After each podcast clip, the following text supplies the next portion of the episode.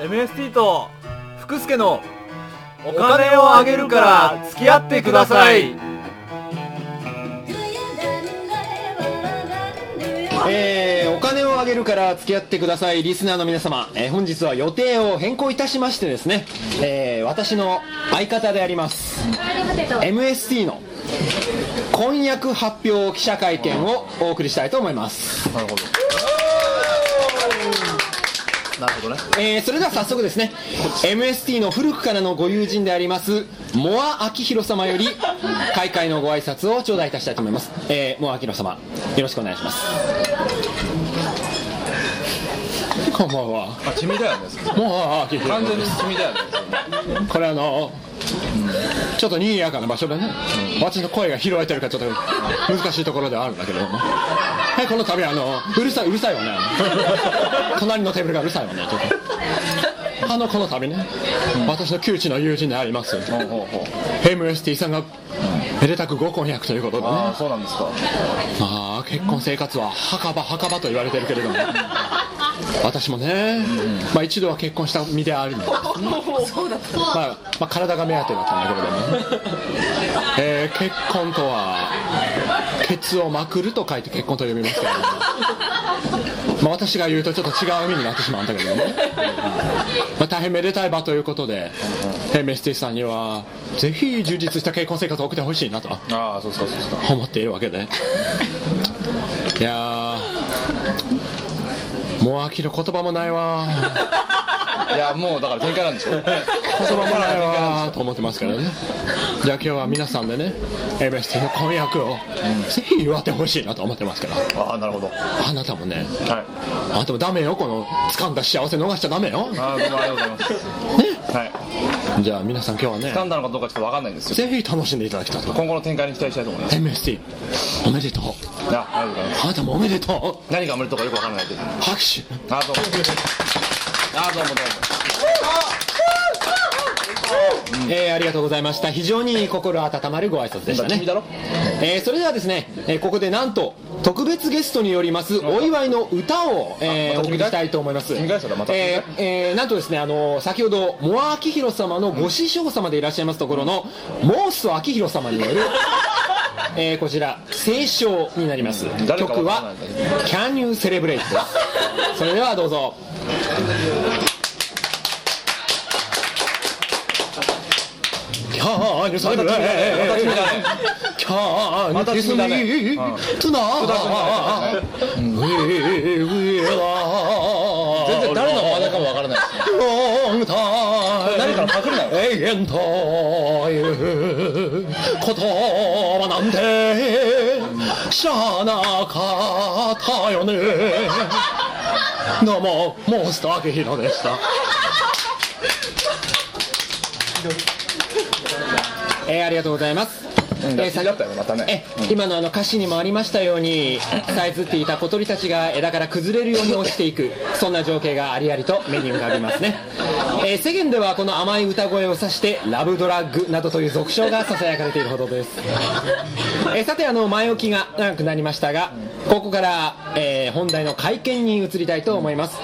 本日ご同席の、えー各メディアの記者の皆様からですね、はい遠慮のない率直なご質問などございましたらこれ何なりと、えーこの MST にお聞きいただければと思っております、えー本人もこう申しておりますはい、失礼いたします。そこに疑問がある限りどんな質問にだってアドリブで答えてやるだって俺は MST だからさあーえーこのように申しておりますのあんまでり理由になってないねえーぜひとも皆さんこれ好きなだけ彼に聞きたいことをぶつけてみてください、えーそれでは各メディアの皆様から質問の方を、えー頂戴したいと思いますど,、えーどなたかあはい、あはい、えーこちらの方どうぞボーチェの岡部です、えあーとはいあ一部報道によりますと MST さんが、えー女を下に見ているそういう上から目線が鼻につくという意見も寄せられてますが何か弁解は終わりでしょうかあのーまず前提から言っていいですか、はい今回婚約会見なんじゃないんですかそうですねこういう感じですでまず一つ目が婚約会見が僕はいないいないっていうのが一つと、えええあとあの婚約会見でめでたい場な感じなのになぜか批判を受けるっていう いやいやいいややこれあのまあ身の潔白を身の潔白を証明す何か言いたいことがあるなら基本おめでたい場なんですよねそうですよもうもうみんなが祝福ムードですから僕はあのその前提は受け入れたんで、その前提でやってもらえますか一貫性がないとよくわかんな いまあまあこの今の質問はねあの上から目線が鼻につくとまあまあ慣れ初め的な話ですよね要 するにこれこれどうなんですかとああそういう、そういう隠喩的なものは含まれてそるうですそうですよ 全然わかんないどうなんですかこれ女を上から目線から見てたみたいなでも全然そんなことないですよないあそういうわけではない僕はド M ですからあメッセーむしジろは下に見てくださいってことですあード M ということなんでまあ強がっていたのかなっていう感じですよねやっぱりねだだから悪意のある解釈は認めてもらえますあーはいわかりまめしでたたい話じゃないんですということえじゃああのすいません悪意のある質問はやめていただけますかすいませんあのめでたい場なんでえじゃあ次の質問ある方ははいはいはいあはい、はいどうぞワウワウのマスラオですが、えーのぞき部屋は週何回ペースで行かれてるんですかねあなんとなくあのー趣旨が見えてきたんです あ本当ですか要するに今年1年を通しての僕の問題発言に関してはあの球団みたいなそういう感じですか らあの違います違いますあの祝福の場ですから一応とはい、うん、行ってないですあ行ってないああ行ってないですなるほどね週1回とか行ってないです好きだと何回ぐらい好きも何も言ってないですもう何年も言ってない本当のことを教えてください本当のことです本当のことが言うからこういう空気になるわけだろ特別な会員証を持ってるという話もありますがえなんてなんて特別な会員証を持ってるという報道もあります特別な会証会員証です会員証ああ小杉屋の顔ねパスだとねえよいそんうな顔パスだという会員証なんかねえよ中間現代によりますと顔パスだという 話さあ学生証があれば安くなるよちょっとなじゃあ学生証で行かれてるってこといや学生じゃねえもんだ現代これはラモンだ現代さんすみませんあの覗き部屋に関する質問はここれぐらいにしていただけますかすいませんでしたみません今回あのめでたい場ですので誰かホッチェ頼んでくれホッチェはいえすみません他にはいはいはい他にあはいはいはいどうぞ、えーロイター通信の田中です、ロイターじゃないだろ、えーロイターここ来ないだろこういうので来ないだろロイターえー、えーすいません覗きはいいとして後輩と合コンに行った際ですねあの行ったら行ったでほとんど喋らずに、まあ、それは当然、まあ、成果上がらないわけですよね、まあ、成果が上がらなかった言い訳としてですね、まあ、女性がいまいちテンションが上がらなか っただとかですねあの、えー後輩のお前の成長ぶりが見られて、えーよかったよえーとかっていう発言をしたっていう情報を掴んだんですけどもねとある情報数から、これは事実と、えー認識してよろしいでしょうかえー、っとね後半は事実ですよ前半は言ってまはいえ後半は事実せん 後半は事実ですよ前半は言ってませんあーなるほどつまりあれですねあの何もしなかった言い訳としてお前の成長ぶりが見られてよかったぞという発言をいやだ言い訳とかじゃなくて、まあ本当にそうだったんです よそういう回だったそういう回だったという解釈でよろしいですねはいだそうですけれども他にはいご質問あはいどうぞえー日本経済新聞の香川です、いえー率直に、えー率直にお聞きしますけれども、素人童貞で すか素人童貞であらせられるというこれはしっかり答えてくだわかりさいましたわかりました、えー違います嘘つけどうでかどうでか本当のことを答えてくだすいませんさフいラッシュやめてくださいすいませんやめてください眩しいんでフラッシュやめてくださいまた僕この回聞かなくなります こういうこと言われると素人童貞ではないということですね素人やりきんと考えてもよろしい ですかはロートやりちいあ言ってないって言ってるでしょだから素人やりきんです か違います違いますこれ僕の返答によって君たちのリアクション微妙になる感じっていうのはあの一応織り込み済みなんだろうね想定外です想定外ね僕完全に質問だけ考えてなんか盛り上がっちゃったってだもっと盛り上げてくださいどうなんですかそこのとこどうなんですかそこのところも何も終わった今の質問素人童貞でもなくクロートやりちんでもないという認識でよろしいですかどうでかどうでかただの童貞ということで日本経済新聞さん、いすいませんそう思い出ければそれでもいいですよねモテか日経だなすげえな日経すげえな日日経すげえなこれ日経に怒られるぞタメディアの皆さんここまでえぐい質問は他にはないですけど大丈夫でしょうか他に質問のあるメディアの方はいらっしあゃいますはいはい週刊大衆なんですけども、はいぽいね一番今までで一番ぽかったね週刊大衆の袋閉じを担当してるものな んですはいあの袋閉じはあんま関係ないからもっと白黒のページだろここはあすいません、えー、と質問なんですけども、えー、と大学1年の時、えー付き合っていたにもその質問には答あれその質問には答えません早いですよそれ僕だけの問題じゃないんで手をつないだだけで別れてしまった、はいえー、と彼女の方を、はい次の人 次の方最近の動向など教えていただけると助かるんですけどもすいませんあのちょっとフラッシュまぶしねんと思いますそれは流れてないよじゃああの質問の方にね答えていただく最近の動向知らねえっつって連絡などは特に取り合ってはいない取ってねえあでも音沙汰などはねえよ全くわからないああなるほどねそういうかなんでなんで手をつないだだけだったんですかあはい次の人えー次にメディアの方質問ないですか大丈こ夫でっちすがかしてないぞこっちが時間的にはこれねまだ10分程度 しか経過していないんでねここで引き伸ばすしかないわけですけこどっちのためこっちよねただこれで終わりかお 前らここまでかなるほどそうだねは俺が来るまでにあとある時間いえそうですけれどあじゃあすいませんはいはい大和渓谷なんですけども 質問ダいいメですか邪魔と帝国落ちちゃあなた警告 いりますか絶対ダメこの取絶対材この囲み取材いりますか大丈夫ですかあの、はいすいません来週の特集にしたいと思ってるんですけども、う全然感じないよね山と帝国全然関係ないいやいやもう山登らないけど大丈夫はいはい今日はねあの片山さんではなくこっちに来ていただいたということでね不 謹慎酒の場でそれは不謹慎はい、はい MST さんにとって合コンとは何ですか一言で五七五で言うとというなるべく面白くお願いします、はい関東も関東も考えてますんで五七五で言うとというね、はいあの条件付きで今お願いし質ます問されていましたけれども MST さんにとって合コンとはということで五七五で答えていただきたいと思いもうます思いついてると思いますはいそれではお願いします好きな子をはい見つける場だけど見つからない率直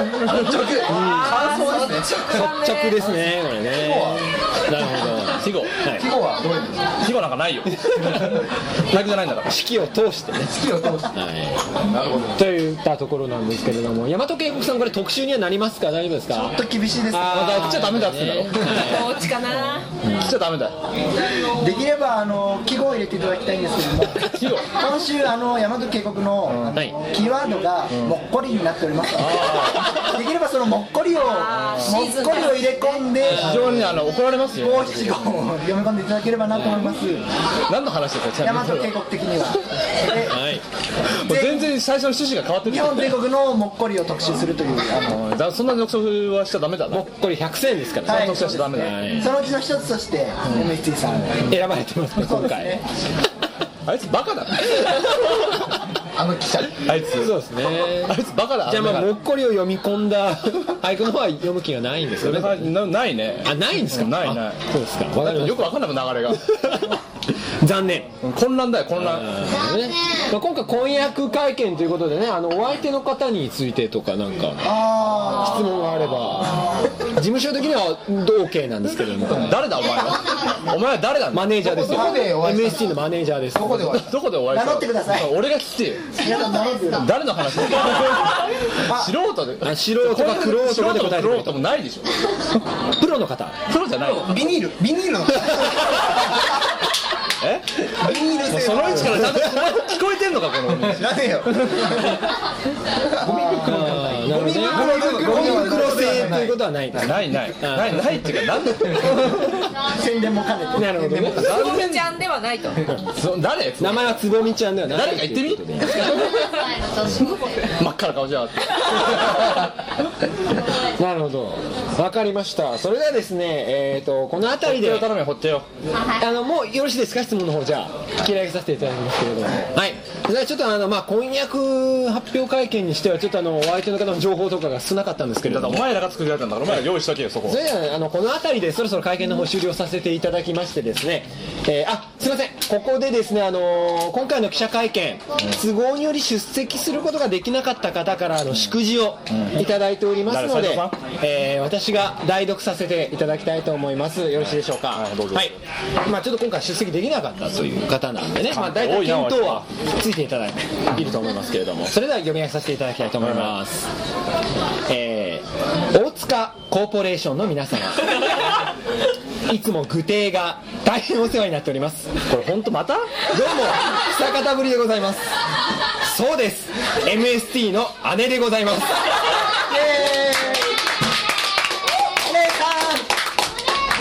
えー二度とやめろって言ったよ今回でこちらのラジオ番組さんの方がとうとう最終回を迎えられるとの情報をつかみましてこれでやっと身内の恥が世間様に垂れ流されずに済むと家族一同胸をなで下ろしておりますちょっとあいつはもう帰ったらファックだな。禁止そうかやっ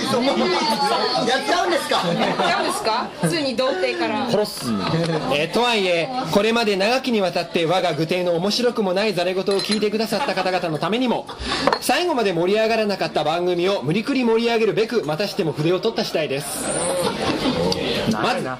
具体の残念エピソードをご紹介する前に今回番組が終わるいきさつである MST がえげつないほど合コンしまくったにもかかわらず彼女ができんかったという事実を伝えた時のリアルに家庭問題で外す。えーこれ伝いいえでたす時ねの家族の反応をご紹介したいと思います MC 絶句してますけれども、 もう一回読んだ方がいいんじゃないか えー彼女ができなかったという事実を伝えた時の家族の反応をご紹介したいと思います小学生の頃からボーイフレンドが途切れたことがないと常に自慢している母はなんでお母さんの子なのにそんなにモテんのかねもうお母さんが婚活してあげるわこれガチだったら本当家族旅行行かねえから。えー年明け早々からアメリカの奥さんの実家で紐生活を始める兄は MST は日本じゃモテないから外国に行けと吐き捨てるように言い それ言われたらお前 だろ。それ言われたら姉だ。今年の5月に山で遭難して九死に一生を得た父は俺はそれでも山に登ると息子の合コン事情にはだんまりを決め込むというありさこまこでしでなたんかガチじゃないことはバレたね。この年末の家族団らんの時期に MST が家族に亀裂を入れたのは言うまでもありませんうん何言ってるのかよくわかんない。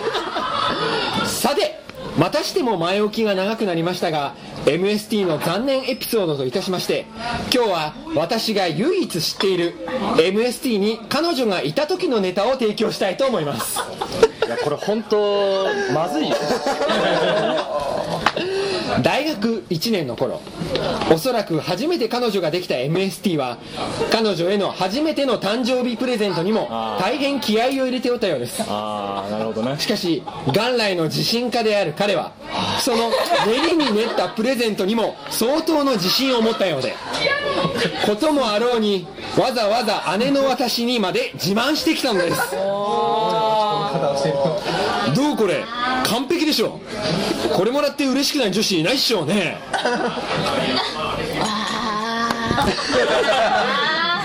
えーそれから間もなくして彼から彼女の話を聞くことはなくなりました弟よとりあえず彼女欲しかったらその無駄な自信を何とかしなさい以上竹の塚コーポの皆様には今後とも具体の彼女探しを何卒よろしくお願いしたいと思います姉よりえー、というお手紙を頂戴しているんですけれども、えー、これ MSC さんこれ何か皆様にお伝えすることはありませんえか、ーっとまあ一つあるのは、はいえーっと感動します。あこれあの心が動く方ではなくて側から側から感動に対して感動。弟があんなに感動できるもんなんですかねこれえもうまあ基本的にはもう今もあんまり連絡取ってないんだけど。 ということは、まあ、今の手紙これ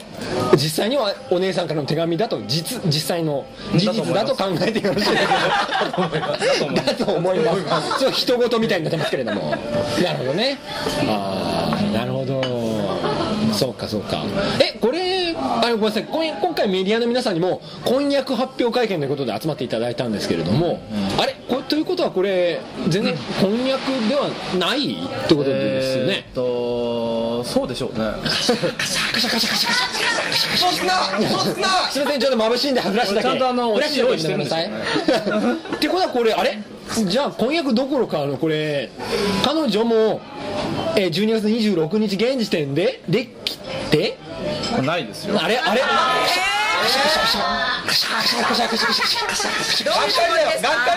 あれ童貞のままだっていうことでよろしいですかこれあ童貞はやめてください 童貞じゃないです童貞ではないんですけどもあ彼女はできてないと、あれということはこれああまああのーそれとかそれとかじゃなくて、はい、 それとかそれとかじゃなくそういてうの関係なくもうライブ終わりです今日あもう終わじじゃゃああもう大塚に行こうも終わりです解散いですやいやいやいや大塚に行こばこれからもね、続いていきますけどもいや脱退です脱退、あ今までありがとうございますあじゃあちょっとやっぱりこれ約束通り彼女を12月の26日時点でできなかったということなんで、はいはまあちょたっだと脱退でしょ福助的にもねすごい悲しいんですけど、まあ、ラジオは終わり最終回、うん終わり終わり終わあれやあれあれあれあれあもうしもうやんないあー人気あったのになそうかねえのにな毎週聞いてたのに 来年からどうやって毎週過ごせばいいですかねえちょっとこれ好きにすりゃいいし テレビとか見りゃいいし iPod でなんか、あんだろいろいろはい日経新聞ですけど まだ生きてたねこれ あのーその大学時代の彼女には何をあげたんですかプレゼントああなるほどね教えねえよ え必ず彼女だったら喜ぶというこのプレゼ喜ントばない女子はいないというプレゼントについて聞きたいんですけど何をあげたんですかねええ作った作った手作りのってそのセリフはええええじゃあちょっとなんかよく言ってる意味がわかんないです けどえお前らの意味が分かんない何やるかんですか言わねえよっつうんだから欲しいロイターの欲しいそれ欲しいそれが欲しい私も欲しい愛だ 愛あのすいませんもうちょっとシャッターの方やめていただけますかね 後でフィルムは取り上げますんでなん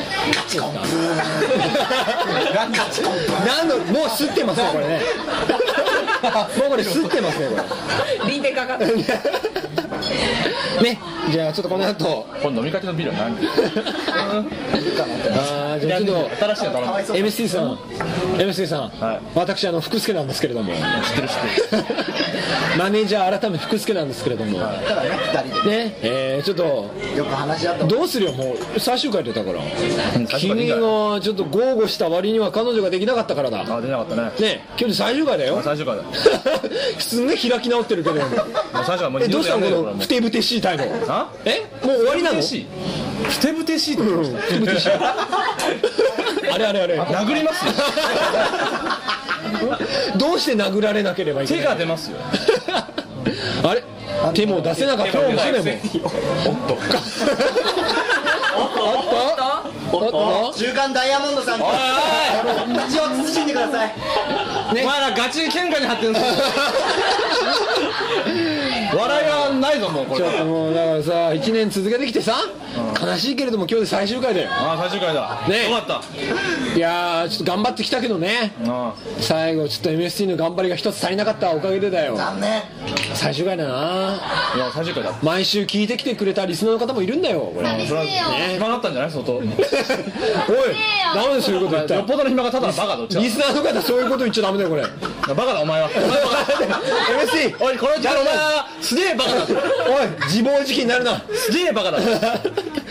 ああもうちょっと悲しい悲しいよこれ最終回だかいろらいろ思い出もあるでしょうよね